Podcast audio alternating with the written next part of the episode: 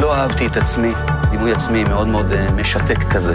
כמו שהרב שלי רוצה, עושה ככה, אני חושב, חושב, חושב, ואני מתכסה בשמיכה ופורץ בבכי תמפורים. רוצה לראות עם יהודי חי, פועם, אור לגויים. זה מה שאני מאמין בו, מה אני אעשה? זה, זה באמת, אה, אני משלמת מחירים אמיתיים.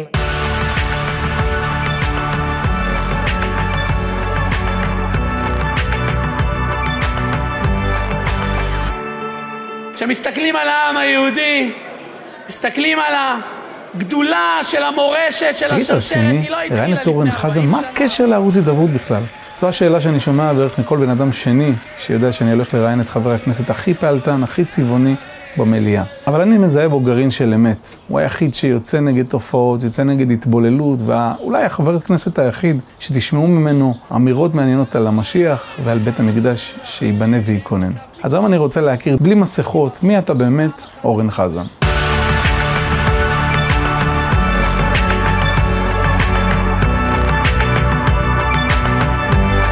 מה קורה, אורן? שבח לאל, מה שלומך? מעולה. יופי. תגיד, למה אנחנו נפגשים דווקא פה? אני, ככה לפני כן התכתבנו, חשבנו איפה לקיים את הרעיון, דווקא בבית של סבא וסבתא. כן, אני חושב שבסוף אה, בן אדם שמסתכל קדימה וצועד אל עבר העתיד, צריך לזכור מאיפה הוא בא, מאיפה הכל התחיל.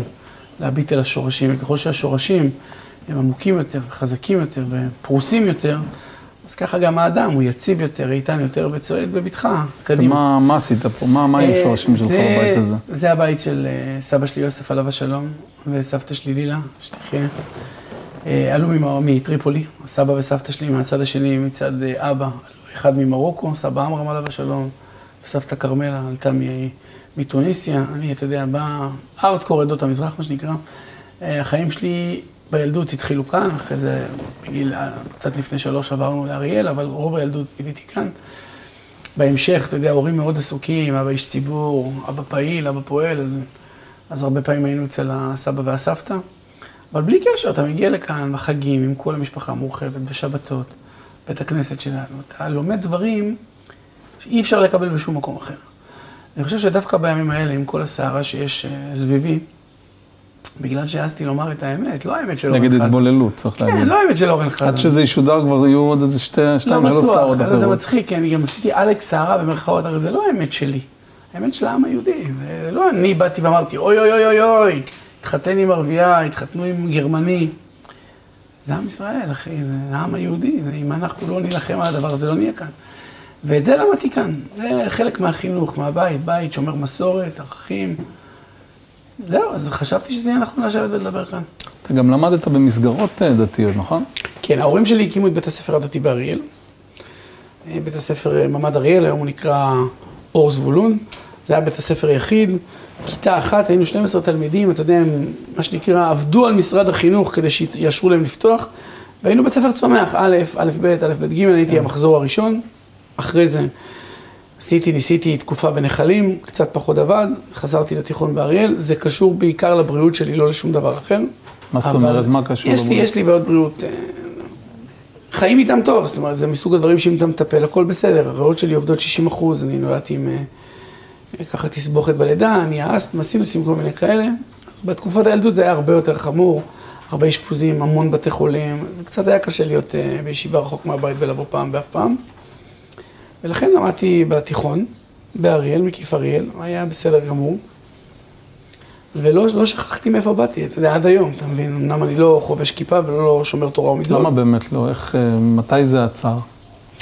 זה לא בדיוק להגיד מתי זה עצר, כי ההתרחקות שלי לכאורה, לכאורה היא, היא גם באה בסביבה המשפחתית, זאת אומרת, זה לא לבד. בסוף, אתה יודע, יש התיישנות הדורות, לא יעזור. זה- לא אני המצאתי את המושג הזה. זה גם הגיע אלינו. היום יש הרבה חזרה אחורה.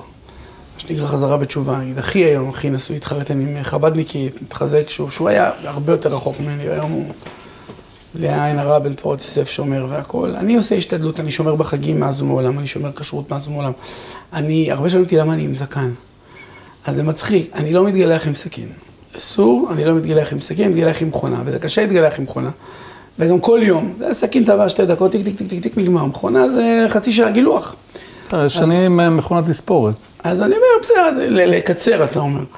לא, לפחות אצלי הוא נעים, אז אני מעריך אותו. אבל, אה, אז פשוט אני מתעצל, אז אני לא, זה, אשתי גם אוהבת, רינת אוהבת, אז זה נשאר. אבל משם זה מגיע, אני שומר כשרות, אני, אה, אמרתי לך, בחגים, ברגלים, אני שומר מסביב, היית, אתה רואה את עצמך אבל מתישהו אה, ממשיך עם זה עוד קצת? אה, כי זה כן בוער אצלך, אתה יודע, בן אדם כן. חילוני, באורח חיים חילוני, שכל כך אכפת לו מהתבוללות, כל כך אכפת לו. דברים, לא רק מהתבוללות, זה נכון, לא כל מההתבוללות. הדוכני תפילין של חב"ד, שיצאת גם כנגד, נכון. והדתה וכל ה... לא, לא, אל תשתמש במילה הזאת, אין דבר כזה. לא. אני יודע שאין. אני- כאילו, אתה נגד מה שנהוג ה- לכנות הדתה. המנהיגות החילונית אה, עשתה נזק כפול למדינת ישראל בשני מילים ששידעו פה את סדר היום. הראשונה זו הדתה, והשנייה זה שוויון בנטל. שני מילים שקרעו את החברה הישראלית לשניים. אין דבר כזה שוויון בנטל, אה, צבא זה לא נטל, לשרת את עם ישראל זה לא נטל, זו זכות.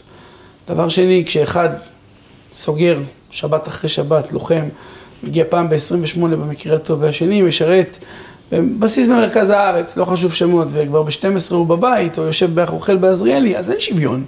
כולם תורמים, כולם נותנים חלק, זה לא יכול בלי זה, וזה לא יכול בלי ההוא, ולהפך. אה, הצבא מצד אחד צועד על קיבתו, ומצד שני הוא צועד, ולכן זה הולך ביחד הדבר הזה. אז אין שוויון בנטל, גם כל הבלוף הזה של גיוס חרדים, לא שמעתי אף אחד מדבר, אומרים שוויון בנטל זה על מדינת ישראל. לא שמעתי אף אחד מדבר על הערבים, שהם לא לוקחים חלק בנטל לכאורה. לא, לא שמעתי אף אחד מדבר על המשתמטים. אחוז הגיוס ירד מתחת ל-50 אחוז, אז בוא נירגע. והדבר השני זה הדתה, תראה. יהדות זה לא רק דת, זה לאום. זה הדבר היחיד שמחבר בין כולנו, עובדה שאנחנו יהודים. עכשיו, כשאתה אומר היום, ב-2018, כשאתה אומר העם הנבחר, אומרים, אה, מה זה תורת הגזע? מה אתה, העם הנבחר? אנחנו כמו כולם. לא, אנחנו לא כמו כולם. יש לנו אחריות, יש לנו מחויבות. עכשיו, אם אחרת, תחשוב שאני כאדם שלא חובש כיפה, אומר את הדברים שאני אומר, תראה כמה אש אני חוטף. עכשיו, בוא נרגיע את כולם, אה, זה עובר לידי, אני מאוד חזק. למה? שאלת אותי לפני רגע, אתה, לפני שנדלגו המצלמות.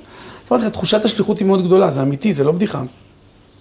דמיין מה היה קורה לאדם דתי, שלא לומר אפילו חרדי שהיה אומר את אותו דבר שאני לא. ברור שאתה מגיע ממקום יותר, אתה יודע, הדברים שלך נשמעים יותר, אבל אתה יודע, אני שאלתי... לא, לא, לא נשמעים יותר. אם אני, אם אני כאדם חילוני תוקף התבוללות, נכון, וזה חתוך בגלל זה זה נשמע אש, יותר. אבל אם אדם דתי יתקוף התבוללות, נכון, זה מובן בכלל, מאליו. אה, אתה מבין? זה כמו שפעם, למה בשמאל שונאים אותי? מישהו עצר לרגע להבין למה בשמאל שונאים אותי ובתקשורת, למה הם מתחרפנים? הרי מה הכי חשוב? עם ישראל, ארץ ישראל, תורת ישראל, זהו, זה, זה הליבה, זה המשולש. אני באתי לכנסת, בחור חילוני, קצת מצחיק, קצת שובב, לא עושה חשבון, אומר את האמת, הולך דוך בדרך. זה חלק מהאסטרטגיה, או שזה, לא, זה חלק יודע, זה ממני, אתה? חלק ממני, זה החינוך. אני לימדו אותי פעם, שאם יש לך משהו על הלב, תגיד. זה אומנם יכול בצד השני לבנות עולם ומלואו, להרוס עולם ומלואו, אבל אל תשמעו, כי זה ישבור לך את הלב. אני פי וליבי שווים, ומה שיש בפנים יוצא החוצה. רוב האנשים הם לא כאלה מסיבה פשוטה, לא שהם לא רוצים להיות כאלה, הם רוצים. כשהם מפחדים, והפחד זה דבר שמשתק. בי, ברוך השם, אין פחד. אבל לא עברת כמה גבולות בכל העניין הזה. אתה אומר, למה השמאל שונא אותי? לא, אז אני אסביר, גם לך הם עוד לא יגידו, עניתי. יש חלק בזה. התשובה היא פשוטה, השמאל, אה, אה, ובעצם התקשורת והשמאל והאליטות, קשה להם איתי, מסיבה פשוטה. שעד שאני הגעתי, כמו שאמרתי, בחור צעיר שהולך כמו בתל אביב, נראה כמו בתל אביב, מדבר כמו בתל אביב, מבלה גם כמו בתל אביב, בעבר בעוונותיי גם מבלה בשישי בתל אביב. פתאום אני באתי, והמשחק השתנה, למה? כי עד שאני הגעתי, שהיו מדברים על ארץ ישראל השלמה, על ירושלים בירתנו הנצחית, על העם היהודי, על התבוללות, מה אומרים? אה, זה הדתיים האלה, הפנאטים, החרדים, הפינגווינים, האלה עם הזקנים, האלה עם הפאות הארוכות שחיים בגבעות. פתאום באתי אני. כמו כולם, נראה כמו כולם, הולך כמו כולם, מריח כמו כולם, אבל מדבר אחרת. ולא רק שמדבר אחרת, כולם מקשיבים. פתאום זה נופל על אוזניים קשובות. הקוסמוס כבר לא מסתובב אותו דבר. הופה, כללי המשחק השתנו. עכשיו, מה עושים במקרה הזה? במקום להילחם בליבה, לנסות לשכנע אותנו שאולי אנחנו טועים. אולי אין דבר כזה תורת משה, אולי אין, לא יודע, אולי לא היה אברהם אבינו. אבל מה קרה בתקופה העברי, האחרונה? הרי למה? העברי? אתה יודע למה העברי? כי מעבר הוא היה לנהר. מעבר, לא רק מעבר אבל מה לנהר. קרה? הוא היה מהעבר השני למול כל העולם, מבחינת ההבנה כן. העולם, צריך להבין את זה. ואני משלם על זה מחיר, אתה יודע משהו, אני מוכן לשלם את המחיר. כי יש משהו יותר גדול ממני, ממך, מהחברים שלי, מכולנו. זה העובדה שכולנו העם היהודי, ואני לא מסתכל כמו רוב הפוליטיקאים על קצות האצבעות, כמה לייקים, כמה כותרות טובות והלאה. אני מרים את הראש, מסתכל לעבר העתיד, לעבר האופק. ואני בעוד שנים רבות, לנצח נצחים, רוצה לראות את ירושלים בירתנו הנצחית, את ארץ ישראל השלמה, את בית המקדש נבנה. רוצה לראות עם יהודי חי, פועם, אור לגויים, זה מה שאני מאמין בו, מה אני אעשה? אתה יודע, אני בנסיעה לפה בדרך, חשבתי, איזה חבר כנסת היה כאילו צבעוני כמו אורן חזן? היו. לפני, אז, לא, אז היו, אתה יודע, הרב בגד עם הפרופלו ורבין, והיו כאילו כל מיני, אבל אתה, אתה יודע, לקחת את זה בהארדקור. זאת אומרת, אתה יודע, העניין של לא- להביא טורטית לחבר כנסת ערבי, זה, זה בקטנה. אבל אתה יודע, אני רואה כאילו... ראיתי שזה הדבר היחיד שמרגיע אותם, אחי, תשמע, בוא, צריך לדבר לא. איתם בשפתם, לא? אתה יודע, אתה משתתף בקליפים, כאילו של אומנים, רוקד, כאילו... אני אענה לך אתה על זה. יודע, אני לא מכיר חבר כנסת שעשה את זה. השאלה, אבל לכל דבר יש תשובה, והכל קשור אחד לשני. אני נמצא בשליחות, השליחות שלי זה לדאוג לטובת הכלל. אם אני הגעתי למקום שבו השם שלי שווה משהו, שווה. וכשמשהו נצמד לשם שלי, אז הוא מביא חשיפה. אז יש לזה את הפן השלילי, כמו שאחי אומר, אתה הפכת להיות המוציא לאור. כל ח"כ שרוצה קצת תקשורת, רב איתך, איתך. אומר ומקבל, וזה אמיתי, יש זה ח"כים. קורה, אני רואה. יש ח"כים שבלי כותרות על, עם השם שלי, עם המריבה איתי, לא היה להם שום תקשורת בשלוש שנים שאנחנו בכנסת, שלוש וחצי שנים. אבל יש גם את הפן החיובי, כשאני רואה חבר'ה צעירים שרוצים להצליח, והם ניסו דרך הערוצים המסחריים, והם ניסו בדרכים הרגילות, והם רצים, והם ברשתות, ואתה רואה שהעם קמה לקבל מהם אהדה, אבל ה... אלה למעלה, אלה עם הכסף, אלה שמנהלים את כל החוטים, לא פותחים להם את הדלת, כי יש אחרים עם יותר קשרים. אז אני אתן להם מעצמי, אם אני יודע שאם אני בא להשתתף בקליפ של בחור צעיר, או זוג צעירים, חבר'ה צעירים מאשקלון שכבר כמה שנים שרים ויש להם עדת מעריצים, אבל בחיים לא יופיעו בטלוויזיה, אם אני אבוא להיות איתם, הדלת תיפתח והם יגיעו רחוק, בוודאי שאני אהיה שם. זו חובה שלי. אבל עדיין אין, אין מינימום עדיין. של מכובדות שנדרשת מה לא מחבר כנסת. מכובד בזה? אנחנו בדור אחר. אל תשכח. לא יודע כמה צעיר אתה, או אלה שצופים בנו עכשיו, נראה לי שיש. יותר ממך, 39. אז אתה פחות צעיר ממני. אתה. יותר, לא, אתה פחות, אני יותר צעיר ממך בהרבה. בן כמה אתה? בוא, אני אמצע 36. שנות ה-30, אחי, אמצע שנות ה-30. אוקיי. אז אני אומר, אני, אני כבר, האמת שעם כל מה שעברתי, אני כבר כמו בן 400, אבל כן, זה זהו. סיפור אחר. בסוף, בסוף אנחנו בדור אחר. 20 שנה אחורה, 30 שנה אחורה, 40 שנה אחורה, אתה רואה שבכל תהליך, אתה רואה מנהיגות מדברת אחרת, מתנהגת אחרת, מתנהלת אחרת. פעם היה ערוץ טלוויזיה אחד. בא מנהיג עם חליפה עניבה, מקריא איזה, ככה, נאום, עם מילים חמות שהוכנו מבעוד מועד, משחק לכולנו בקופסה. נגמר הרעיון, נסגרת המצלמה, הוא משחרר את העניבה, דופק איזה כוסית וויסקי, אנחנו לא יודעים. היום שהמנהיג מעשן סיגר, אנחנו מעריכים אצלנו בסלון. אתה צריך להתאים את עצמך גם לדור. החבר'ה הצעירים של היום, תעשה סקר.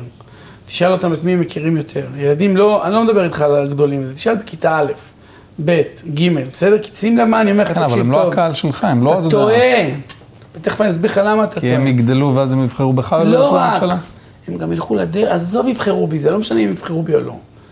אבל אם תשאל אותם את מי הם מכירים יותר, אותי או את בן גוריון, תקבל לבד את התשובה, וקטונתי.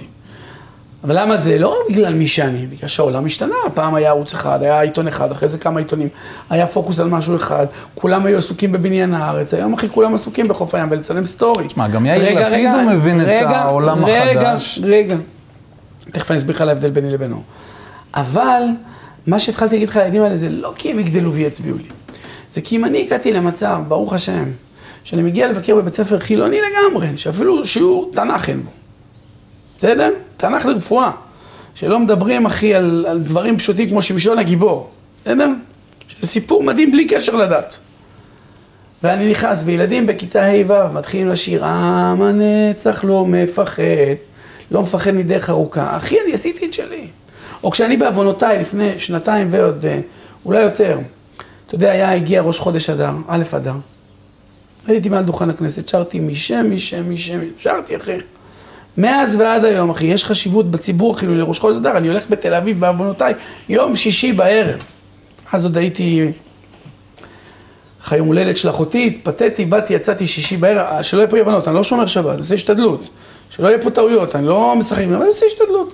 אני לא מוציא שמתישהו הודעות. תשמור שבת? אני יכול להיות, שמרתי בעבר, יכול להיות גם בעתיד, אני, אני עושה השתדלות, אני לא מוציא הודעות לתקשורת. אני הייתי עכשיו בביקור רשמי בבולגריה, סירבתי להיפגש עם נשיא המדינה ושר ההגנה ביום שבת לפגישה רשמית, אמרתי בשבת אני לא עושה פגישות רשמיות, אני יהודי, יש אחריות לעצם היותי יהודי. ואז אני הולך ביום שישי בערב. ואיזה 100-150 צעירים, לא ילדים כבר, צעירים, מפוקחים, מתחילים לשיר משם, משם, משם. אחי, עשיתי את שלי. עכשיו תדבר איתי על יאיר לפיד, יאיר לפיד הוא... הוא לא יאיר לפיד, הוא יאיר לפיד. הוא דיבר על פוליטיקה חדשה, אבל הוא בפוליטיקה הכי ישנה שיש. אני לא נוגע בזה, אני נוגע במי שאני. אגב. יאיר לפיד יצא גם נגד התבוללות. לפני כמה שנים, נכון, את ארבע. שנים אחורה, לא פחות. כן. ראית כזה רעש? מה קרה? תראה כמה צביעות יש בו, אנחנו כל פעם חוזרים לזה. השפה שלך. אז אמרתי עליו מתאסלם, אז כועסים שאמרתי עליו מתאסלם. אם זה לא בסדר להגיד על בן אדם שהוא מתאסלם, איך אתם יכולים להגיד שזה בסדר שהוא מתחתן עם ערבייה? לא, לא יודע, נראה לי אתם הגזענים, לא אני. תגיד, אבל עדיין, אני לא מדבר על התקשורת הצבועה וכולי והמתחסדת, אני מדבר יותר על אנשים שאני באתי אליהם, וכאילו, היה לנו אתמול דיון בצוות אה, הידברות, על אה, מה אתם חושבים, כאילו, מה, מה לשאול לתורן חזן וכולי, חלק אמרו לי, שמע, מה, מה הקשר בכלל? הוא כאילו, אתה יודע, הוא מוריד את הרמה, והוא? זה... בוא תסביר גם אחי. אומר לי, תשמע, כאילו, בואנה, אתם ערוץ הידברות, בוא, בוא תגיד לי, ערוץ יהדות. כאילו, מה, אורן חזן, נו באמת. במה אני מוריד את הרמה? בוא, במקום לדבר איתי אל בסיסמאות. תשאל אותי, אני בסוף באתי, ואני לא, כן, אבל אתה כן מבין, מאמין אבל בזה. תשאל אותם, לא אותי. פגשתי יום אחד, יש אחד. הוא רוקד ככה, הוא מדבר כאילו, לא מקלל, אבל כאילו. שמת לב מה אמרת? לא מקלל, אני היחיד לא. בכנסת שלא מקלל ולא אוהב נשים. אתה. יודע, הולך אה, בתוכנית עם חנוך דאום, אה, עם אה, שורטס מה לא. בסדר? כאילו זה- תסביר לי, מה לא אנשים בסדר? תופסים שחבר כנסת, כאילו, תשמע, אני הולך להיפגש עם חבר כנסת, זה, אתה יודע, סוג של מינימום של מכובדות. יקירי, תקשיב. אין דבר לא מכובד בלדבר לכל אחד בשפה שלו. כשאני מצלם סדרה עם חנוך דאום, ועושה שם פרק על אולי לכתוב ספר ילדים לקהל הדתי, לאן נעלמה הכיפה שלי, ורוקד עם בימבה, אני לא מדבר לקהל שרואה אותי עם הבימבה, אני מדבר לצעירים שרואים ואומרים וואלה, לאן נעלמה כן, אבל, הכיפה שלי, רגע, אבל כשאתה עושה תעצור." חיקוי של יאיר לפיד, מה לא בסדר, תגיד לי. ומעלה אותו לפייסבוק שלך. וכשבגין אמר, ואם יש מישהו שמעקם את האף על הדבש, שיישאר. לו אף עקום, זה בסדר? לא, אתה יודע, זה היה לא אחד בכנסת. למה? זה פשוט הדור שונה. לא, הוא אמר משהו אחד, השפה אתה השתנתה. מישהו מדבר בשפה של אז, ואגב, תשמע, יום אחד אני מגיע הביתה. ושוב, קטונתי, אני לא משווה את עצמי לבגין, אני רק אומר, אגב, היחיד בכנסת שהורחק אה, כמעט כמוני, זה בגין, שהורחק לארבעה חודשים, גם את זה צריך לזכור. עוד לאן, אה, לשאוף. 29 שנה זלזלו בו, פגעו בו, ירדו עליו, צחקו עליו, אמרו בוטה, אמרו במה. אני מזכיר לך שהיו כאלה שלא רצו להגיד את שמו, ההוא שיושב ליד. כן. יום אחד אני מגיע הביתה, פותח את הטלוויזיה, ואני בסוף תוכנית טלוויזיה, אני חושב שזה היה הגנרלים, המנהיגים, לא זוכר, ראשי הממשלה, לא זוכר מה זה היה, בערוץ 10, ומשמיעים איזה קטע הקלטה מתוך המליאה, ריב בין בן גוריון לבגין, קללות, שאני לא מעז לומר אותם היום, אני. אז תעזוב אותך, על מי אנחנו עובדים? תגיד, אבל בעוד כשאתה 20 שנה מצטלם- יהיו אחרים, יגידו, "אה, חזן היה, איך אתם מתנהגים, תראו את חזן, הוא היה... שוב, אני מדבר בלי פוליטיקלי קורקט. פעם הייתי אצל הרב שלי, אחד הרבנים, לא אין לי רב אחד, אבל אה, רב שאני מקשיב לו. ואני בא אליו ואומר לי, תשמע אורן, אולי קצת פחות, פחות ישירות. ואני אומר, למה אתה מתכוון? לי, תשמע, אם, אם אתה עכשיו יש איזה מישהו שהוא שיקר, אל תגיד לו אתה שקרן, תגיד לו, אתה אדוני לא דובר אמת. אמרתי לו, כבוד הרב, אבל הוא שקרן, מה אני אעשה? זה לא שהוא לא דובר אמת, הוא שקרן. יש הבדל בין לא להגיד את האמת לבין להיות שקרן, זה שני דברים שונים. צריך להבין את זה. זה אני לטוב ולרע. כל אלה שאומרים לך שאני מוריד את הרמה, או זה, הם מקנאים. הם היו רוצים לשבת במקומי. זה בדיוק העניין. הם כועסים, לא, אחי, אני לא חושב שהוא היה רוצה להיות חבר כנסת. לא, לא, לא, אני לא מדבר על החבר לא, אבל כנסת, על אני המהות. ראיתי- אני ראיתי איזה לא על סרטון. הכיסא, כח- שנייה, לא על הכיסא כחבר כנסת. על המהות. תבוא איתי לרחוב, תראה איזה אהדה ציבורית יש לי. לא, זה אני בטוח. אז זה יסביר לך משהו שכנראה, שוב, כנראה אנחנו, אנחנו בטוח שעל חלק מהדברים נסכים שלא נסכים. ואני גם בטוח שלא כולם יאהבו אותי אף פעם. אני גם לא רוצה שכולם יאהבו אותי. צריך שהרוב יאהב אותי, שמספיק יאהבו אותי, וזה כבר קורה. וזה לא שהם אוהבים אותי כי יש לי פנים יפות, כי אין לי, אני לא דוגמן, אני לא שחקן, אני לא זמר, אני פותח את הפה יורד גשם, זה כבר מעלה שהיא קשורה למשהו אחר. אבל אנשים מתחברים לדבר אחד, לעובדה שאני הולך עם האמת, ואומר אותה, תמיד, ומעביר את הביקורת שלי על כולם, בין אם זה מחבלת כמו חנין זועבי, או יולי אדלשטיין שחוטא לכיסא שלו והוא יו"ר הכנסת, והוא חוטא לכיסא שלו. אני לא נבחרתי כדי לך, תקשיב, את היכולות שלי כבר כולם מכירים, אף אחד לא מזלזל בהם, אוקיי? אתה מסכים איתי שיכולתי גם אז להשתמש בהם למקום אחר, להיות שקט, נעים, רק לקבל כותרות. אני נואם מספר אחת בכנסת, אני נואם הכי הרבה בכנסת, ואני היחיד שמעולם לא עלה עם דף. יש שיגידו שאני גם מספר אחת באיכות, לא רק בכמות. מעולם לא כתבתי נאום. ראית אותי לפני הריאיון, ראית אותי מתארגן, באת לשאול אותי שאלות, אמרת לי, אני אשאל מה? אמרתי לך, אל תשאל אותי, דבר. יכולתי לעשות משהו אחר, אני לא רוצה, כי יש משהו יותר גדול ממני, אז כאילו מה, אנחנו. זה מדליק אותך? זה כאילו משמח אותך שאתה כאילו יוצר עניין, יוצר אקשן, זה גם יוצר לא זה? זה. לא, זה סגנון, הוא משוחרר, הוא צעיר, הוא, הוא נעים, הוא אחר, הוא מדבר עם כולם בגובה העיניים. אתן לך דוגמה אחרת, אתה מדבר על סגנון, אפשר רק לחפש להגיד מה לא טוב בסגנון, בוא נראה מה טוב בו. לא מזמן פרסמו טלפונים של כל הח"כים. חלק מהח"כים החליפו טלפון, חלק לא ענו כל היום או יומיים עד שעברה זה, חלק נתנו לעוזרים לענות. תקשיב, אני היחיד שעניתי לכל מי שהתקשר. כולם, אחי. הרוב התקשרו לברך, חלקם התקשרו רק לברך שזה אמיתי. חוץ משניים, ותבין, תקשיב טוב מה אני חוץ משניים שפגעו בי, כאילו ניסו לפגוע, אמרו איזה מילה רע, מדבר איתך על אלפי שיחות, באלפים, אפשר להוציא פירוט שיחות, ולכולם עניתי. וכתבתי בטוויטר, אני מודה לזה שפרסם את הטלפון שלי, מה רע? אז שוב, אני הולך ברחוב, פוגש אנשים, מדבר איתם בגובה העיניים. כשאני מגיע לבקר באירוע, מגיעים עוד ח"כים ושרים, אז הם נכנסים, אומרים קצת שלום, מתיישבים ויושבים, מדברים בינם לבין עצמם. אני לא מצליח לשבת באירוע, אני לא אוכל באירועים כי אני עומד ומדבר עם אנשים, כי זה יותר חשוב לי להתייחס אליהם. ובסוף, מה שחשוב, מעבר לזה שצריך ליהנות מהדרך, זה הדרך שאתה עושה את הדברים כדי להעביר מסר. קח שוב את עניין ההתבוללות, כי זה, זה דבר מדהים. התופעה הזאת הולכת וגדלה, היא סכנה קיומית אמיתית לעם ישראל. אנחנו 70 שנה מהללים וזוכרים את, אה, מהללים את הניצולים, ובצדק, וזוכרים את הנרצחים, ובצדק, אבל אנחנו בוכים על דבר אחד, על זה שהעם היהודי כמעט נמחק. ההתבוללות... שואה שקטה. הבנת? אז אי אפשר, שוב, זה, זה, מה, לא להגיד את זה? נתעורר בוקר אחד ונבין שאנחנו כמה משפחות אחרונות. יש לי שאלה, אתה מנסה להבין מה אבל... עובר להם בצד השני בראש? רגע, שנייה. ואז אני אומר לעצמי, תבין מה קרה פה. זה נכון שאני חוטף אש, אבל על מה לא מפסיקים לדבר? ההתבוללות. נכון. הצלחתי להביא את הנושא לשיח. ואם הייתי כותב את זה אחרת, או עדין יותר, או אחרים כתבו את זה, זה היה עובר. זה היה עובר. אורי אורבך כתב מאמר מאוד קשה, יותר קשה מהדברים שאני כתבתי, כולל הפניה אישית לבר רפאלי ולינור אברג'יל, שהיום היא כבר חזרה בתשובה והיא רבנית, ועוד אחרים, וביקורת קשה על התקשורת ועל החברה, לא היה כזה ראש. אני כתבתי ציוץ, אמרתי, אני לא מאשים אותה, באמת, אין לי את הבעיה. אני לא מאשים אותה, פיתתה נפש יהודים, פוגעת בה, אגב, זאת האמת, בסוף, כשמישהו מתחתן עם גויה, מדינת ישראל, דמוגרפיה נפגעת, העם היהודי הולך ונעלם, הצאצאים שלנו לא יהודים. לא מאשים, להפך, לוסי, אני מסתכל לך בעיניים, את מוזמנת להתגייר, אני מוכן ללוות אותך, באהבה. ותהיה גדולה בשביל כולנו. תראה נסרין קדרי, לא יצאה עם יהודי התגיירה, היום קוראים לה ברכה. למה עליה לא מדברים בתקשורת? כי זה לא נעים להם, כי יש להם מטרה למחוק את העם היהודי. לא, להפוך אותנו למדינת כלל אזרחיה. בוא ננסה לחשוב, מה אבל עובר להם? תראה, נגיד אני רואה אחת כמו תמר זנדברג.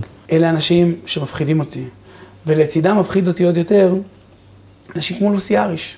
אתה יודע למה? כי אני, כולם כועסים עליי, כי לוסי אריש נכנסה להם ללב, ואין לי אישית שום דבר נגדה, עזוב שהיא שונאת ישראל, ציונית, מיונית, יכולים לספר סיפורים עד פה. אנשים שוכחים שרק לפני חודש היא עמדה בכיכר רבין ונשאה דברים בערבית נגד ראש הממשלה, ממשלת הימין וחוק הלאום. אז שאף אחד לא ידבר איתי על זה שהיא כזאת אוהבת ישראל, בסדר? והמונולוגים שהיא נשאה בקנה, בתקשורת בשנים האחרונות, מדברים בעד עצמם. והמשפט שלה, בריאיון אישי לפני ארבע שנים בדיוק, שהיא אמרה, להתחתן עם יהודי זו בושה, לי לא נמחק מהזיכרון, אבל עזוב לוסי אריש. אנשים כמו לוסי אריש נכנסים לנו ללב. אותו דבר אגב איימן עודה. ערבי בעל מתק שפתיים. עכשיו, כשאתה מדבר עליהם כפרסונה, אז אתה גזען. להגיד שאני רוצה לשמור על העם היהודי, זו לא גזענות. זו שליחות. וזה למה הם מפחידים אותי, כי הם עושים טשטוש של הגבולות. רוב הציבור כועס, כי הוא רואה את לוסי אריש מדליקה את המשואה. תגיד לי, אה, השייח שהדליק משואה, לא יצא נגד? אמר, אנחנו עדה סגורה, אנחנו לא מתחתנים בחוץ. אתה רואה איזשהו שינוי בתקשורת? כאילו, יש איזשהו עתיד טוב או שזה תמיד יהיה לא, ככה? לא, יש עתיד, יש עתיד. לא יש עתיד המפלגה, להם אין עתיד, ברור. שיהיה הבנות. לעם היהודי יש עתיד, תראה, נשאלת שאלה אמיתית, האם אנחנו לאורך הדורות שמרנו על עצמנו כי היינו אנוסים, כי היינו נרדפים, כי ניסו להרוג ולאבד ולהשמיד אותנו, והיום שהכל קל לנו, אז אתה יודע מה, אני אתן לך את זה. עכשיו שתוך כדי שיחה חושב על איזה משהו. אני, בתחילת הדרך שלי בתקשורת, רק תקפו אותי, חמות. והגעתי לכל הרעיונות. אגב, עוד משהו שאני פוליטיקאי היחיד, אני פוליטיקאי היחיד שמעולם לא אמר לא לרעיון. יש פוליטיקאים שהם ברע, שהם בגל לא טוב, שהם עשו איזה טעות, הם נעלמים, הם יורדים, כולם בעולם אומרים, תוריד את הראש, בשייטת אומרים, אתם מורידים את הראש, ואז בעלה אמר לי, לא, בשייטת אומרים שהגלים מתגברים, החזקים מתגלים. אל תוריד את הראש. אני לא מוריד את הראש. עכשיו, בהתחלה הייתי מגיע לרעיון מלחמה, לא היה נעים כמו כאן. באיזשהו שלב, פתאום אני מגיע לרעיון, ונותנים לי לדבר, לא ידעתי איך להתמודד עם זה. אמיתי לגמרי, אני פתאום קולט שאני... אמרת, וואלה, לא הכנתי מספיק דברים להגיד. לא, אין לי, אין לי, לא, לא הכנתי, יש לי מה להגיד, אתה רואה, אנחנו מדברים, אתה נותן לי לדבר. אבל זה כאילו, לא, לא קלטתי שפתאום, פתאום קל לי. אחר. אין מישהו שנלחם בי מהצד השני. אומרים לי, שוט, אותו דבר עם ישראל. כאילו, לא שאני, אני אומר שוב, זה על אותו משקל, היינו הנוסעים, שמרנו על זה, פתאום פה את הכל. פתאום פה הכל קל. אז כנראה בכזו קלות אנחנו מוכנים לוותר על שבת, על נישואים, על התבוללות, על כשרות, על הכל. תגיד לי, אתה יכולת לדמיין 50 שנה אחורה חזיר ברחובות? רק תגיד לי כן או לא. לא, העניין הוא שגם ראש הממשלה, אתה יודע, אני לא רואה פה איזה משהו שהוא, אה, שיש לו איזושהי אג'נדה. אם הוא יושב עם יאיר לפיד, אז הוא ייקח לכיוון שם, ואם הוא יושב עם החרדים, ואני לא רוצה לקחת את זה לפוליטיקה, אבל בשביל זה צריך לחזק אנשים כמוני. להגיע למעלה. אנשים שהפה והלב אחד, האידיאולוגיה היא אחת, הדרך נשמרת. בוא נחזור אה, שנייה אחורה. איך, אתה חיית תקופה בחוץ לארץ, בסופו של דבר החלטת לחזור לישראל. אגב, אתה רוצה לשמוע את הסיפור? הנה, לא, אני מכיר את הסיפור, אני רוצה לשמוע לא, אותו. תשמע, זה סיפור מדהים. אני, אה, כתב לי מישהו בטוויטר, מה אכפת לך מלהתחתן עם גויה? אולי תנסה. אז מישהו ענה לו, הוא ניסה. לא התחתנתי עם גויה אף פעם, אבל עברתי את המבחן הזה. וגם אם אני שרש, בשרשרת של העם היהודי, חוליה כל כך קטנה שאפילו עם טלסקופ אבל אי אפשר לראות אותה, אני לא אהיה זה שישבור את השרשרת. זה לא אני. עברתי את הניסיון הזה. וגם כשגרתי בחו"ל, וזה החלק השני שלו, וזה הכל הולך ביחד, עם ישראל, ארץ ישראל, תורת ישראל, לא יעזור. החלק השני שלו, אני גרתי בבולגריה, היה לי טוב, היה לי כיף. טסתי לחו"ל לטפל בבריאות שלי, שם נשמתי מצוין. הלילה הראשון בחיים שלי, שישנתי בלי משאף, היה בבולגריה. אוויר נקי, אין לחות, אין זיהום אוויר. והיה לי פרנסה טובה, והיה לי אז מה עבודה. קרה? למה אתה מחליט לחזור? אני הגעתי לביקור בדיוק ב-12 לשישי 2014, חתונה של בן דוד שלי. בן דוד שלי טריפולטאי, אמר לי, תשמע, לא היית בברית שלי, היית חולה, לא היית בבר מצווה, היית דרום אמריקה, סיפרת לנו סיפורים על לוויתנים. אתה לא בא לחתונה, אל תבוא לארץ, אני מחקתי אותך. וזה מדהים. ובאתי, לא הייתי בארץ איזה שנה, בפועל לא באתי אפילו לבקר שנה, תחשוב, טסתי לחו"ל לטפל בבריאות, אבל גם הייתי אחרי שבר עמוק. ההתנתקות ריסקה אותי, אחי נפצע בלבנון השנייה, ראיתי איך מתייחסים ללוחמים, לפצועים, למשפחות, המערכת, כמה היא קרה, התרסקתי מזה, ניהלתי מאבקים סטודנטיאליים, הייתי יו"ר אגודת סטודנטים, ראיתי שכולנו כלים במשחק, אמרתי תודה ביי. הלכתי לחיים הפרטיים, מסעדה, קטרינג, ברים, חו"ל, בולגריה, בית מלון, רחמנא ליצלן, חשבת קזינו. שאתה תגיע לעשייה ציבורית? או שזנחת. את זה? ב-2011 שעת המאבק על יוקר המחיה והדיור, התקשרו אליי אנשים שהכירו אותי מתקופת המאבקים הסטודנטיאליים, חמש, שש שנים קודם לכן. ארבע שנים קודם לכן. חזן, תעבור, צריך אותך, אתה יודע להוביל, אתה יודע להעניק, אתה יודע לשנות. אמרתי חבר'ה, אני עוד לא שם. ביום שאני אחליט לחזור, זה יהיה מכאן ולתמיד. אני עדיין לא... בכל מקרה, סיפור ארוך קצר, מגיע לחתונה של בן דוד שלי, באותו יום נחטפים אייל גלעד ונפתלי, השם ייקום דמם. באותה שבת, אתה יודע, כולם מדברים, אחד עם קשרים במד"א, אחד בתקשורת, אחד בפוליטיקה, אחד משטרה, צבא, כל מידע מגיע, שמועות. זו הייתה השבת חתן של בן דוד שלי, ובצאת שבת אני אומר להם, אני לא טס מחר הביתה. תבין מה אני אומר, אני לא טס מחר הביתה. אני נשאר פה בארץ, אה, כמה ימים בא לי לעשות איזה משהו טוב. יש קטע כזה, אומרים, שאתה בחו"ל אתה יותר ישראלי מישראלי. נכון. גם יותר יהודי מיהודי. עזוב, גם לזה נגיע תכף. ובאמת הרגשתי ככה. אמרנו סיפור ארוך קצר, אותו שבוע מפרסם בפייסבוק, מארגן תרומה. אגב, הריב שלי עם ראש העיר אריאל התחיל כי ביקשתי ממנו אוטובוס, שיתרום אוטובוס. הוא לא היה מוכן, הוא אומר, מה זה עניין שלי? בסוף ארגנתי את הכסף, חלק ממני, חלק מהאנשים, ארגנו אוטובוס, סטודנטים, סטודנטיות, צעירים, צעירות מאריאל, נסענו לבקר את המשפחות, התחלנו באלעד, והגענו בסוף היום ליישוב אה, טלמון, ושם הייתה עצרת תפילה. בתום העצרת מגיע אלינו בחור בשם רביד שרון, הוא היה הדובר של היישוב, מה אתם עושים פה? אז איזה סטודנטית הצביעה, אמרה, הוא הביא אותנו לפה. הוא בא אליי, אני לא אומר לו כלום, אני לא אומר לו, אני הבן של אבא שלי, החבר כנסת, אני מבולגריה, אני כלום. קוראים לי אורן, חשבתי שזה נכון לבוא לחזק, הוא אומר לי, תבוא לפגוש את המשפחה, אמרתי לו, יש פה הרבה אנשים, תבואו כולם, נעשה את זה בחצר. אנחנו מגיעים לבית משפחת שער, ו...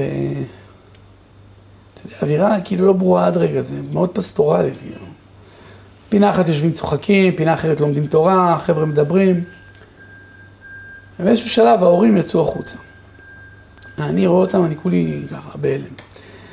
ואז יצא לבת גלים שער משפט שלא יימחק לי לעולם מהזיכרון. הדבר הראשון שהיא אמרה לי, סתם, אתה לא מחייך. התחלתי להשתגע, כאילו לראות, אז אבא חיבק אותי, ואמרו, תירגעו, הכל בסדר, אני אומר לה, מה הכל בסדר? תבין, אני נמצא בבית של משפחה שלא יודעת איפה הילד שלהם, מה איתו, אכל, שתה, חם, לא קר, לא חי, עומד בכלל. אכפת להם ממני, אחי. אז מה, משפט מדברים- כזה כאילו משנה לך את כל ה... ופתאום מדברים ומדברים על תקווה, ושהם עוד יחזרו, ותהיה סעודת הודיה. ואני מספר שהיה לי מסעדה, ואני כמו שף, ואני אומר, אני אבוא לבשל את הסעודה, והכל נהיה טוב. ובנסיעה הביתה לאריאל היה לי מלא מחשבות. נזכרתי בילדות שלי, שאבא שלי כבר בגיל 6 לקחתי להפגנות. שבגיל 12, 13, עמדתי בכיכר מלכי ישראל, אז קראו להם שלט רבין, אל תהפוך את המפה למפית. שהתחלתי בבני עקיבא, מההתחלה, זרעים, ניצנים, וסיימתי, השבט החדש זה שבט שלם, חניך בני עקיבא, אני שבט שלם, מי שרוצה לדעת בין כמה אני במדויק. ואחרי זה הייתי בסוכנות היהודית. שבוע כתבו, מה צחי עשה כך וכך וכך, מה אורן חזן עשה. צחי ועוד רבים כמותו לא עשו רבע ממה שאני עשיתי בשביל מדינת ישראל וארץ ישראל כבר בצעירות שלי. אני אומר את זה בצניעות. הייתי שליח הסוכנות היהודית להודו. הבאתי יהודים, אני הבאתי יהודים של ארץ ישראל, שכנעתי אותם. אין גדולה, לא הרגשתי דבר יותר גדול מזה. כמה שנים עשית את זה? הייתי פעיל במועצה הציונית לנוער במשך שלוש שנים בערך. קיבלתי פה משפחות, כאילו משלחות ומשפחות שהגיעו לביקורים וליווינו אותם וקונגרסים. זה היה מגיל 16 עד הצבא וקצת אחרי צבא. הייתי בצבא, הזכרתי בצבא, לא רצו לגייס אותי, היה לי פרופיל 45. למה היה 45? כי נלחמתי, רצו לתת לי 21, 24, לפתור אותי. אמרתי להם, לא, אני מתגייס. ואז רציתי להיות קצין, לא הספיק לי להיות פקח טיסה. רציתי לשרת, רציתי להיות קצין, אמרו לי, איך תעשה בת שבע עם החולים? אמרתי להם, לא, אני אעשה בת אחד. והוכחתי את עצמי ועשיתי בת אחד. זהירות, אני הייתי בבת שבע. לא, לא, אני לא, אני לא מפס... לא, אתה לא הבנת את הנקודה. הבנתי, הבנתי. אני לא נתתי לזה לעצור אותי, אני לא אומר את זה כדי לזלזל. תגיד, אז מה? רגע, שנייה. אז כל הפלשבקים האלה חוזרים? הכל. וזה שאני טסתי לדרום אמריקה לטייל, ואז היה התנתקות, עזבתי טיול בדרום אמריקה, וחזרתי לארץ להילחם נגד ההתנתקות, תבדוק. לך תשאל את יעקב חגואל, שהיום סגן יושב ראש ההסתדרות הציונית. לך תשאל את יוסי דגן, ראש המועצה האזורית שומרון, שאל אנשים, מאיפה הם מכירים אותי? בחור עם שיער ארוך, הכל עולה לי בראש, מאבקים ותנועות ופעילות, ואמרתי, איך אני הסכמתי לעצמי להיות ברוגז עם המדינה שלי, לברוח. ובאותו רגע החלטתי שאני חוזר לארץ. זהו, ככה. ואז חזרתי לארץ, בהתחלה היה את החיפושים של הילדים. אז מצאתי את עצמי מסתובב, מחלק דברים לחיילים ואוסף תרומות. אחרי זה התחיל צוק איתן, הייתי בבתי חולים, הלכתי לבקר פצועים, על בסיס שבועי מבקר פצועים, על בסיס יומי נמצא במקלטים, אוסף תרומות לחיילים, כל יום הייתי בפעילות. רק חזרתי, היה לי כסף, הייתי בסדר, הכל טוב. לא, חייתי טוב בבולגריה. אני אומר לך, פעם כתבו בעיתון הארץ, בן אדם עזב, עסק, כסף, פרנסה, בריאות, זה חזר שרת הציבור, מה אתם רוצים ממנו? בעיתון הארץ כתבו את זה. מי כתב? אני לא זוכר. אפשר להוציא את זה, אני יכול לבדוק לך. יכול להיות שהם כתבו את זה בהלצה, אבל הם כתבו את זה, מה זה משנה? ו- ואז נגמרה המלחמה, צוק איתן נגמר. אגב, הייתי בלוויות, והייתי בניחומים, ולא הייתי איש ציבור. הייתי אורן, אורן חזן. אמנם גדלתי בתנועת הליכוד, הייתי יו"ר נוער ליכוד, גדלתי בצעירי הליכוד, מכיר את כל החבר'ה, פעם דני דנון ראה אותי מגיע להפגנה באותה תקופה נגד חנין זועבי. הוא אומר לי, מה זה הפגנה של צעירים, מה אתה עושה פה? אני אומר לו, אחי, זה שגדלנו ביחד זה לא אומר שאני בגיל שלך, אני צעיר ממך כמעט בעשור, אחי. אנחנו, אני פשוט גדלתי איתכם, כי הייתי מעורב ופעיל. וזהו, ואז נגמרה המלחמה, אז אני מקים באריאל את פורום צעירי אריאל. מתחיל לעשות פעילויות בעיר, מאבק נגד התחבורה המשותפת עם הפלסטינאים, ואז אמרו עוד פעם גזענות, זה לא גזענות, זה עניין של ביטחון. ואז, וזה מדהים, תראה מה זה, הכל ככה קשור להכל, אני בבית חולים מאושפז, ובסביבות 12 וחצי בלילה, מבזק מיוחד, התפוצצה פגישת נתניהו-לפיד, הולכים לבחירות. בבית חולים. השתחררתי אחרי זה יומיים שלושה, יושבים בבית, איכשהו אבא שלי אומר, אולי תתמודד. אמרתי לו, כן, יאללה, בוא. הוא הלך, מסתבר לי אחרי זה שהוא הלך, שאל את הרב, הרב אמר לו, כדאי שאורן ירוץ לכנסת. האמנת שזה יקרה כל כך מהר, תוך שבועיים? שמע, אנחנו מאמינים בני מאמינים, אבל uh, אני בהתחלה אמרתי, אתה יודע, מה הסיכוי שאני אבחר? אמרתי, טוב, אמרה לי אבא שלי, תרוץ כדי שיכירו אותך, שיהיה קל הפעם הבאה, כי תמיד, אתה יודע, זה צריך, כן. צריך התמדה בפוליטיקה. אבל נבחרתי, אבל נבחרתי למקום השלושים, למרות שזה היה קושי מטורף. ואז הוא לא היה ריאלי בכלל. אבל, אבל, אבל אני האמנתי, אתה יודע, התרוצצתי בבחירות 387 כנסים, אירועים, פאנלים, אחי, במשך תקופת הבחירות. ואני זוכר בא הביתה ואומרים לי, מה אתה משתגע? אתה מקום 30, אנשים מקום 16 לא יוצאים מהבית לעבוד. ליכוד היה בקאנטים. ואני אומר להם, אני באמת מפחד שהצד השני ינצח. אני, אני דואג לנו, דואג לעתיד. כנראה שאתה יודע, אומרים בוחן כליות ולב, לא עכשיו שרנו. אבינו מלכנו, הוא יודע הכל, לא? כנראה שהוא... לא סתם אני בכנסת, אחי, אני אומר לך את זה, יש לי שליחות, אחי. לפני שהתחלנו, אבא שלך היה פה. הוא בא גם כן במקרה, כאילו, נפגשתם פה אצל ה... בבית של הסבתא, ואני רואה אותו ככה, אני אומר לו, תגיד, יחיאל, מה המקסימום שאורן מגיע? שאלתי שהוא יגיד לי, שר החינוך, אתה יודע, משהו כאילו ריאלי. הוא אמר לי, הכי למעלה הוא מגיע. עכשיו, טוב, וואבה, אתה יודע, טבעי.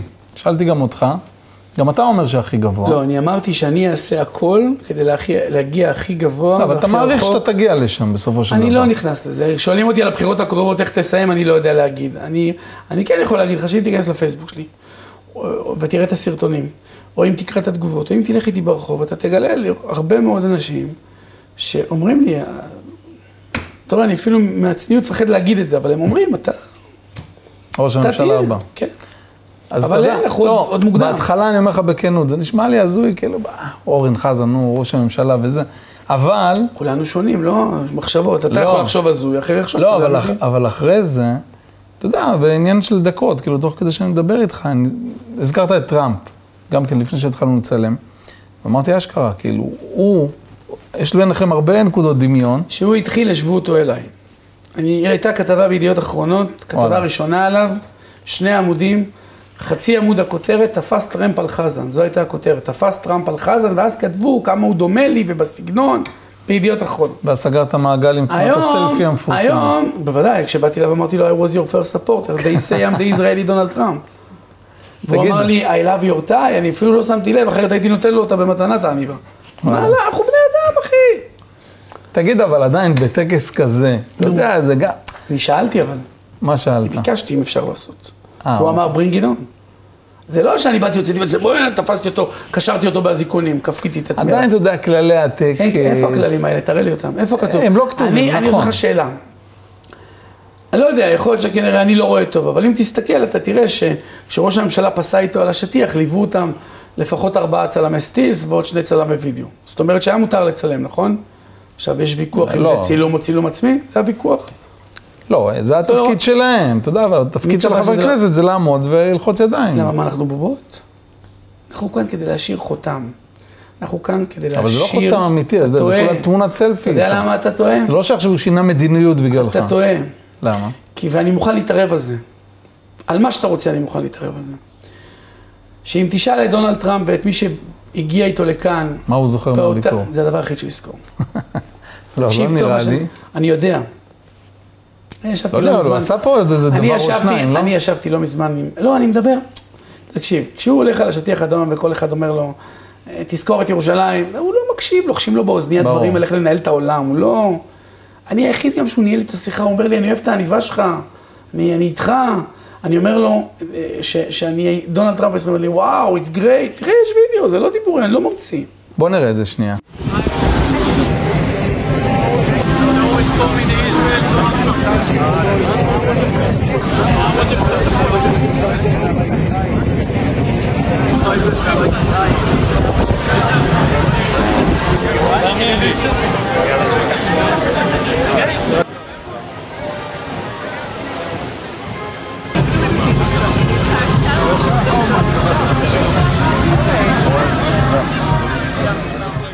ראית, כן. אני לא אומר סתם, הכל נכון, הכל אמיתי, ודבר מדהים, נפגשתי לא מזמן עם אנטוני סקרמוצ'י, שהיה דובר הבית הלבן, הוא חבר שלו עד היום. והוא בעצמו אומר, כאילו, כולם דיברו על זה, כולם זוכרים. אגב, תשמע עוד דבר מדהים על fake news, התקשורת פנתה למשלחת האמריקאית, וביקשה תגובה שלהם לסלפי. אתה יודע למה לא שמעת את התגובה של האמריקאים? לא כי הם לא הגיבו, כי זה לא התאים לתקשורת שלנו. אתה יודע מה הייתה התגובה? מה הם הגיבו? שיש לך נשיא כמו דונלד טראמפ זה הרבה יותר ממקובל.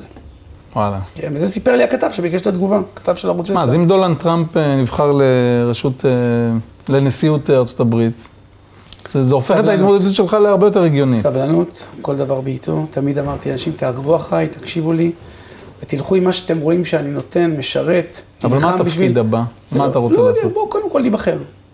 יש לנו עוד מעט בחירות, אני צריך להיבחר ברשימה. תרצה להיבחר. ממנה סתם להיות בממשלה, אין מה ויכוח. אבל מעניין אותך? אין ויכוח, אני רוצה להיות אה, תפקיד ביצועי, כדי גם, חוץ מרק אה, לעשות ברמה הקטנה, לעשות ברמה הגדולה יותר, לקבל החלטות גדולות יותר. בסוף ח"כ הוא לא תפקיד ביצועי, אמנם הצלחתי לחוקק לא מעט חוקים, ולהביא לא מעט הישגים, כמו שכר החיילים, או חדר טיפול נמרץ ילדים בבית חולים פוריה, ועוד כל מיני דברים. אבל אה, להיות שר זה כבר סיפור אחר. שר התקשורת. לא, לא? חינוך, וואלה. כן. אני, בניגוד לכל החתיארים האלה בכנסת, יודע לדבר עם הדור הצעיר. תשמע את האמת, לא? חתיארים. אחי, בנט מגיע לבית ספר, ילדים מסתכלים עליו ככה, הוא עושה קצת תמונות עם fake smile, והולך. אני מגיע אבל מה לבית אתה ספר. תשים להם שירים של... אחי, אני אה, מגיע? לבית ספר, אני יכול לדבר שעה, והילדים לא ייגעו בטלפון שלהם, בסמארטפון, אחי. אתה מבין את ההבדל? תגיד, אמרת בעבר במליאה, יבוא יום, ובעזרת השם יבוא משיח צדקנו, ונבנה את בית המקדש במהרה בימינו על הר הבית. אמן. אמן. אתה מבין כאילו שזה לא מובן מאליו לשמוע בן אדם, בכל זאת, עם אורח חיים חילוני, בלי כיפה, אומר דברים כאלה. אתה באמת כאילו מחכה למשיח, לבית המקדש? בטח. אני לא הולך עם כיפה, אבל מאז שסבא שלי נפטר, אני חזרתי לברך על הכל. מברך. וואלה. כל היום הוא סתם, מה, אתה. מכניס את הכיפה, מוריד? לא? בלי כיפה אני מברך. אה, אוקיי. אז הוא אומר, "אה, כיפה, אני אומר, תקשיב, יש שתי אופציות. או שאני אברך בלי כיפה, או שאני לא מברך. לא, לא, אז עדיף שתברך. אתה מבין, זה לא... אבל אתה אומר, אתה לא פוסל, אבל היא חד בכל זאת. שמירת מצוות בצורה יותר... לא מזמן רינת באה אליי, אומרת לי, בוא, בוא נתחזק, בוא נשמע. אמרתי לה, בכיף, לא, לא פוסל בכלל. אתה מאמין אבל שזו הדרך? התשובה היא כן, מה זאת אומרת? אה, אני בבית הכנסת ואומר 13 עיקרים, אני לא אומר אותם... אה, מהפה ולחוץ, אוקיי. לא, מה, בוודאי. תגיד, אני חוזר איתך, אני רוצה לסגור עם העניין הזה של האור ה... אני לא מכיר הרבה אנשים כמוך, שאתה יודע, שהם מותקפים על בסיס יומי, על בסיס שעתי אפילו, ווואלה, אתה יודע, עובר uh, מעליהם, מתחתיהם, מהצדדים, סבבה. מה בכל זאת uh, פוגע בך? לא, זה לא להגיד ששום דבר לא פוגע בי, בוודאי שפוגע, אבל אני חסין, אני יכול לעמוד בזה. אבל מה עדיין, הייתי לא מזמן בבית חולים. מעטה ה... התרסקתי, היינו באירוע צניחה חופשית, התרמה לילדים חולים. התרסקתי, שברתי את עצם הזנב, הגעתי לבית חולים. בבית חולים, רצו לתת לי זריקה, אז היא מנסה להכניס למחט פה, לא מצליחה, יש עדיין סימן, אחרי זה פה, לא זה, בסוף הצליחה פה, אמרתי לי, בואנה, יש לך אור יפה. אמרתי לה, זה מצחיק שאת אומרת את זה, כי את רואה, את יודעת מה אני עושה בחיים. וגם סיפרנו פעם בדיחה, שאומרים לי, יש לך אור של פיל, אז אני תמיד מספר שפגשתי איזה פיל בספארי, שהוא אומר לי, כל היום אומרים לי, יש לך אור של אורן חזן. תקשיב, אני, זה לא הסיפור. אני פה 70, אם בגבורות 80 שנה, צדיקות 90 שנה, וזהו, נגמר. הסיפור זה לא אני. כשהיה הצבעה על ההתנתקות, אז ישבתי עם אבא שלי, הוא אמר לי, תבין, ארץ ישראל זה לא רק שלי. ארץ ישראל זה גם של האבא שלי והסבא שלי עליהם השלום, וגם של הנכד והנין שעתידים לבוא, של כולנו. אין לנו זכות לגעת בה. צריכים לשמור אותה, לא נותן למשמרת, צריך להבין את הדברים האלה. ומשם אני שואב את הכוחות שלי, אנחנו יושבים פה בבית של סבא שלי יוסף, סבא שלי יוסף עבד בסולל בונה 40 שנה. היה פועל פשוט, אחי. גם סבא שלי. תקשיב, היה פועל פשוט, לא היה עכשיו מנכ"ל, חליפות, ארגזים. היה פועל פשוט, היה בהתחלה מגיש, מי שלא יודע מה זה מגיש, זה שעושים את הטיח. אז מישהו צריך לערבב את הטיח ואת המלט ואת הבטון ולהכין ולהגיש זו העבודה הכי קשה, ולסחוב אחרי זה בלוקים. ולסחוב מרצפות, היה פה, היה מגיע הביתה, הוורידים היו קרועים, רוב ה... ממש חתכים. אבל היה מחייך. הייתי שואל אותו בתור ילד, סבא, מה, מה אתה מאושר? הוא אומר לי, אני שמח, כי אני בונה את ארץ ישראל. אתה, אתה, אתה מבין איזה גדולה זה הדבר הזה? לא, זה דור לא יאומן הדבר הזה. אז למה שאנחנו לא נשמור על זה, אחי? סבא שלי, יש לי סבא עמרם, עלה ממרוקו, עלה בגיל 15 עם שתי אחיות ובלי כלום, התחיל לעבוד בקרן קיימת, בנטיעות, זה מה שהייתה העבודה שלו. הוא היה הולך לעבודה עם חליפה, מטה העצים עם חליפה, בגלל הקדושה של ארץ ישראל. אתה, אתה מבין מה אני... אז, אז באים לך היום בכזו קלות, תמחקו חוק לאום, תמסרו את ירושלים, תוותרו על הארץ הזאת, תיתנו פה אדמה, הדתה שמדתה, מה זה השטויות האלה? מה זה, כי קל? כי קיבלנו, אני כל היום בהרצאות שלי, ואני מופיע הרבה בפני צעירים, צעירות, מבוגרים, מבוגרות דתיים, חרדים, הייתי בקמפים, בכל מקום. עברית, אנגלית, אגב, אני אחד מדוברי האנגלית הטובים של הכנסת, לא חשוב שמות, אתה יודע, אבל אה. שתדע. ובכל מקום אני מסיים בזה שאני אומר, רבותיי, אל תשכחו, יש לנו פה ארץ נהדרת, יש כבישים, תשתיות, מועדונים, מסעדות יוקרה, חופי ים, ביטחון. אבל כדי שכל זה יקרה, אלפיים שנה חלמנו בגלות, לחמנו והגענו. וכשהגענו אנשים מתו, גם אז וגם היום כדי שנהיה פה. אז אנחנו לא רק צריכים לשמור על זה, אנחנו קודם כל צריכים להיות ראויים למה שיש לנו פה. פה זה מתחיל, אחי, זה מה שאני מכיר. אתה מדבר ככה אה, גבוהה גבוהה, על באמת, על אידיאלים. אני גם חי ועל- את זה, מה זה אתה? חי את זה, אני מאמין לך, זה אני לא- מאמין לך שאתה חי את זה. אני בגיל 6 נעצרתי פעם ראשונה עם אבא שלי כשחסמנו את צומת מורשה. אני הייתי בהפגנות הכי קשות. אני ראיתי את אבא שלי טס עד לאוסלו להפגין. לא נוסע, מניע את האוטו, נוסע לתל אביב, בסדר, שעתיים נסיעה. מממן מהכיס שלו טיסה, וטס לאוסלו להפגין. אה, בוא, זה, זה אי אפשר להתעלם אני מהדברים מאמין לך שאתה פועל מהמקום הזה. אין שום פעם דבר... פגשתי איזה איש עשיר, לא אמר לי, עלית באגו אפילו בנקודה אחת? ירדתי אפילו. הוא משרתי העם, אנחנו לא אומרים צריך לעלות, לרדת אל העם. לא, אנחנו צריכים לעלות אל העם, אנחנו משרתיו. טוב, תודה רבה. בכיף.